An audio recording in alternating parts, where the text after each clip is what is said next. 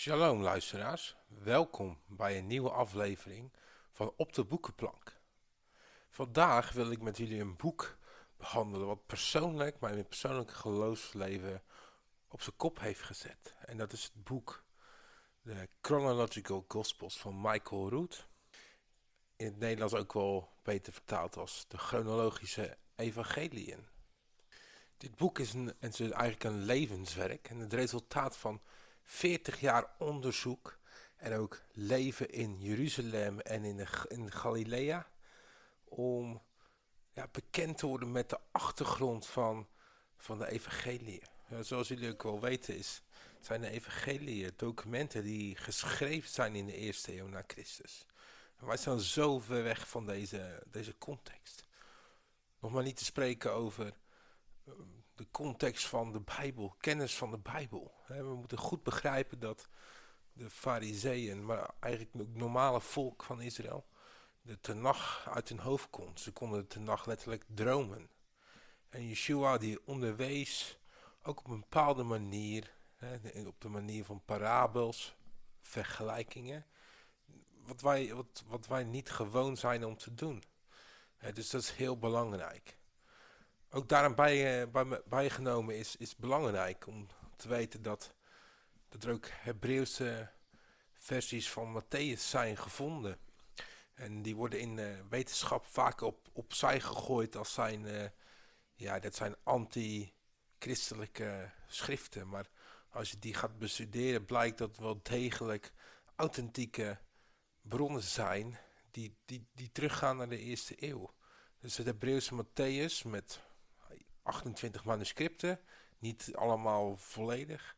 Zeer interessant en ik kan er ook bij vertellen dat, ja, ik, heb, ik zal ook een linkje bijzetten in deze, in deze studie, dat ook in Catalonië de, uh, alle vier de evangelieën in het Hebreeuws zijn gevonden.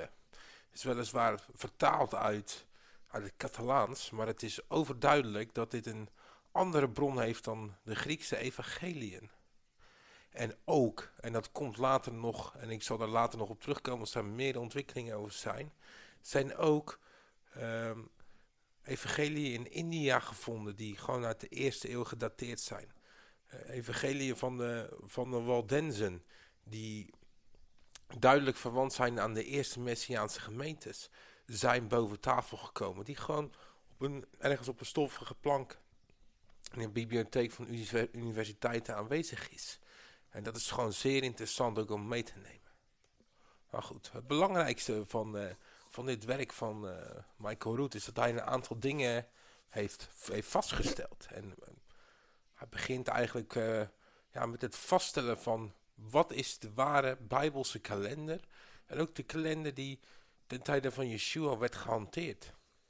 En ja, we kennen de moderne Joodse kalender, maar dit is een voorberekende kalender die eigenlijk tegen de Torah, tegen de wet van Mozes, de wet van Jehovah ingaat. Want wat staat er nou in Exodus 12 vers 1?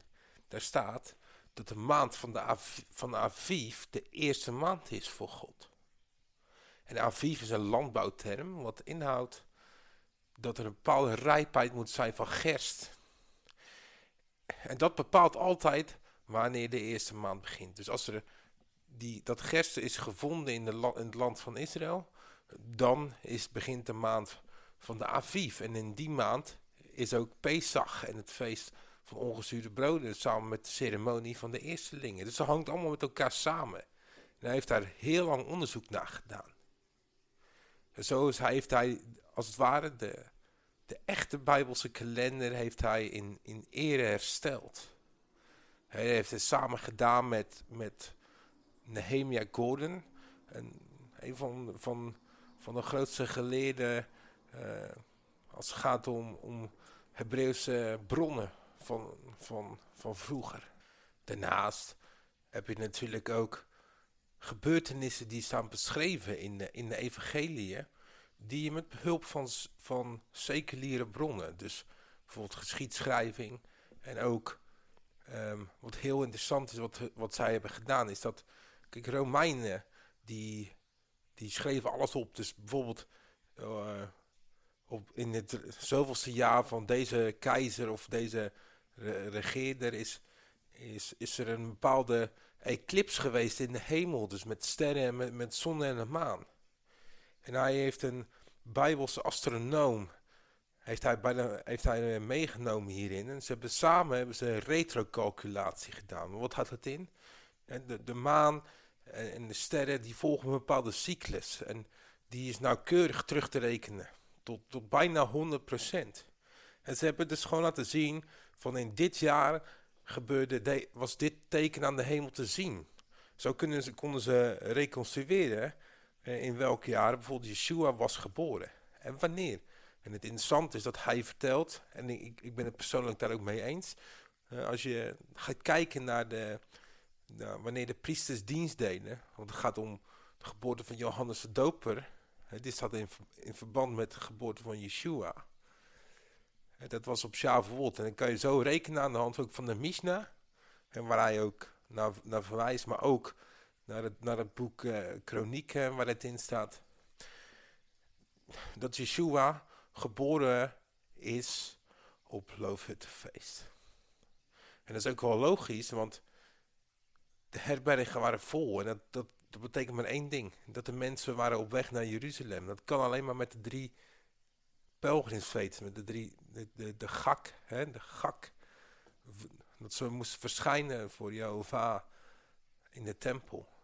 Dus dat kan ook alleen maar daarvoor.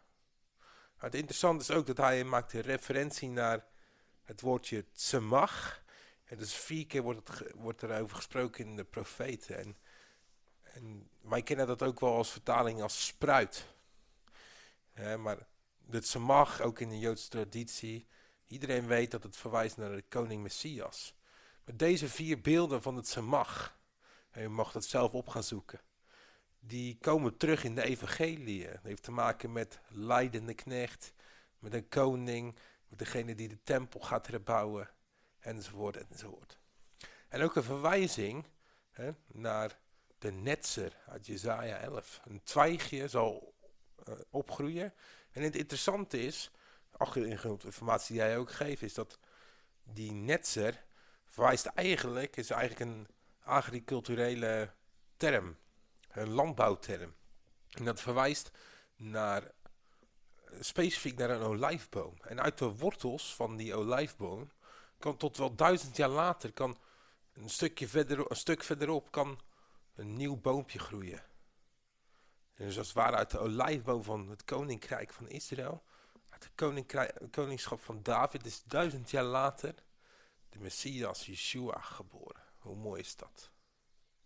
Maar goed, tot zover een kleine achtergrondinformatie. Maar het belangrijkste wat hij heeft gedaan ook aan de hulp van die retrocalculatie, is om de woorden van Yeshua en zijn bediening in chronologische volgorde te zetten. Velen van jullie zijn waarschijnlijk wel bekend met het dogma dat de bediening van Yeshua 3,5 jaar was. Nou, waar komt dit vandaan? Je moet ook kennis hebben van zaken. Want dit wordt nergens aangegeven. In de vroege kerkgeschiedenis zeggen de, de, kerkvaders, de bediening van Yeshua was een jaar en een aantal maanden, of een jaar. Later wordt het twee jaar. Maar het was Eusebius, die kwam met een drieënhalfjarige bediening van Yeshua. Maar het staat nergens. Wat we Eusebius hier proberen te doen is om die 70 weken profetie van Daniel tot zijn vervulling te laten komen. Even voor de duidelijkheid, hier zijn veel verschillende visies op. Die 70ste week, persoonlijk geloof ik, had moeten gebeuren, maar is niet gebeurd. Misschien kom ik daar in een latere aflevering nog wel op terug, maar zo zie ik het. Het had moeten gebeuren, want zo staat het ook geschreven, maar het is niet gebeurd. Belangrijk hierin is het boek Johannes, het vierde evangelie zoals wij dat kennen. Dit vierde evangelie volgt de de feesten des Heren, hè, de feesten van Jehovah. Ehm, eigenlijk heel logisch. Het begint met Pesach en het eindigt met Pesach. Maar het allerbelangrijkste hierin is, is het, de gebeurtenis die in Johannes 6 plaatsvindt. En dat is, is het voeden van de 5000. En dat is het enige gebeurten, de enige gebeurtenis die, die in alle vier de evangeliën voorkomt. Dus als het ware is dat een ankerpunt om de chronologie van de bediening van Yeshua vast te stellen. Want vanaf dat punt kan je teruggaan en kan je vooruit gaan. Maar heel simpel gezegd, als we kijken ook naar de, vroege, getuigenissen van de kerkvaders. Die zeggen, hè, Matthäus, Marcus en Lucas laten een bediening zien van een jaar en een beetje. Want je moet je voorstellen dat de eerste Pesach toen hij de tempel leeg veegde, de handelaren eruit drijfde, omdat het huis een huis van gebed zou zijn voor alle volken. Het zuurdesem verwijderde hij van het huis van zijn vader. En daarvoor is hij natuurlijk, weten we ook, gedoopt en de woestijn ingegaan voor een, voor een bepaalde periode. En tot Pesach duurde het nog, nog twee weken toen hij terugkwam. En dus, dus we kunnen wel, wel duidelijk zeggen dat het een jaar en een beetje is. En die 3,5 jaar klopt niet. Maar wat staat er nou in Johannes 6 vers 4 in? Dat is een van de belangrijkste dingen die ik jullie ook vandaag mee wil geven. Johannes 6 vers 4 staat in onze vertaling. En het Pascha, het Pesach van de Joden, was nabij. Dat is eigenlijk sowieso al fout vertaling, want het gaat hier om Judeërs. Ja, dat, wat, wat, wil dat zeggen? In, in, in de context van de eerste eeuw. Het gaat om dat het een gak was, een pelgrimsfeest. Dus het, de moderne termen feesten, feest van de Joden klopt niet. we weten dat in Leviticus 23 staat feest van Jehovah. Het zijn zijn Moadim. Niet die van de Joden, maar van hem. Maar goed. Er staat dus, Pesach van de Joden was nabij. Terwijl we in de andere evangelie duidelijk zien, ja, dat het richting het Loofhuttenfeest gaat. We zien dat ook in het volgende hoofdstuk van Johannes. Goed, om een lang verhaal kort te maken. Michael Roet heeft het, heeft onderzocht. En wat blijkt nou ook nou, nou verdere studie, is dat, dat bijvoorbeeld ook uh, Westcott en Hoort, een bekend tekstcriticus, die zegt, en ik heb nog veel meer bronnen daarvoor, dus als je er graag informatie over wil, kan je met mij contact opnemen via Radio Israël. Die, die, die, die, dat vers, Johannes 6 vers 4, is een interpolatie. Dat is een toevoeging, die is e-, eerder als commentaar aan de zijkant van de tekst is geschreven, die is later in de tekst gekomen. Nou, of dat bewust of onbewust is, laat ik maar even in het midden. Maar we kunnen dat vaststellen dat dat een toevoeging is. En er zijn ook manuscripten die dit gewoon volledig uh, weglaten. Of die daar tekstkritische symbolen bij hebben geplaatst. Waarin het gewoon duidelijk is, hey, deze tekst hoort er niet in. Dus aan de hand van, van dat ankerpunt kunnen we dus vooruit en terugrekenen. Dus we kunnen precies zien wanneer Yeshua waar was. En ook in de context van bijvoorbeeld bepaalde feesten of bepaalde periodes van het jaar onderwijs gaf. En zo komen we als het ware terug in die eerste eeuw en in die tweede tempelperiode. Het is ook goed om je daarin te verdiepen. Ik heb daar ook nog andere bronnen voor waar ik later ook op terugkom. Het is goed om je daarin te verdiepen. Maar ik denk dat dit een absoluut basisprincipe begin is om de chronologie, de context van tijd, de kalender van Jehovah, de kalender van onze vader, zo belangrijk is om die mee te nemen in het onderwijs van Yeshua. Nou, ik wil nog iets met, met jullie uitleggen uit dit boek. En want dit boek laat ook zien hoe Yeshua tekeer ging en eigenlijk afrekende met de religie van zijn dagen. Want je moet weten dat eigenlijk elk wonder, als je dat gaat onderzoeken, en ook als je kennis krijgt en jezelf laat onderdompelen in de Joodse traditie, dat ze eigenlijk met elk wonder een van de regeltjes die ze zelf gemaakt hadden, in het Hebreeuws noem je dat takana of takanot, en maasim, die vernietigde hij. is dat letterlijk in het Hebreeuwse Matthäus, wat, wat, wat Michael Rood ook in zijn, in zijn boek schrijft, Matthäus 23, dat ze zijn, gaan zitten op de stoel van Mozes.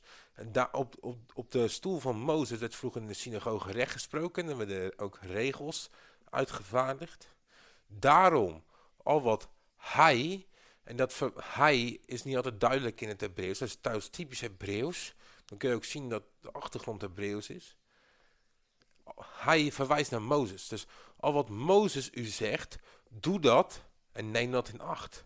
Maar doe niet naar de takanot en maasim, de zelfverzonnen regeltjes, toevoegen en afhalen aan de geboden. Dat staat letterlijk in Deuteronomium 4 vers 2 bijvoorbeeld, dat je dat niet mag doen. Doe dat niet. En dit is ook het spanningsveld wat je continu ziet in de evangelie, maar ook later in de brieven van, van Paulus en in handelingen. En dat is iets heel belangrijks. Want Paulus spreekt bijvoorbeeld over meerdere wetten. De wet van, van, van God, de wet van, van leven, de wet van zonde en dood. Maar ook over de wet van de fariseeën. Daar moeten we onderscheid in maken. En dan kunnen we ook alleen maar begrijpen als we die context begrijpen. Want waar gingen de mensen naartoe toen ze geloof, tot geloof kwamen? Ook complete heidenen. Ze gingen naar de synagoge. En het was een mengelmoes. dus het was moeilijk. En de, de fariseeën, die wisten ook niet heel goed hoe ze ermee om moesten gaan. En, in wijsheid hebben ze besloten om, om wat, wat regeltjes op te stellen. Maar dat ging weer tegen, tegen God in. Dus dat is belangrijk om te beseffen. Nou, ik heb heel veel aan dit boek gehad. Er zijn een aantal eye-openers voor mij geweest. Ook als het bijvoorbeeld gaat om de profetie van Jona, drie dagen en drie nachten in het graf. En voor de rest wil ik jullie gewoon aanmoedigen om dit te gaan lezen en hem ook bij te houden bij verdere studie. Nou, hier wil ik het eigenlijk bij laten.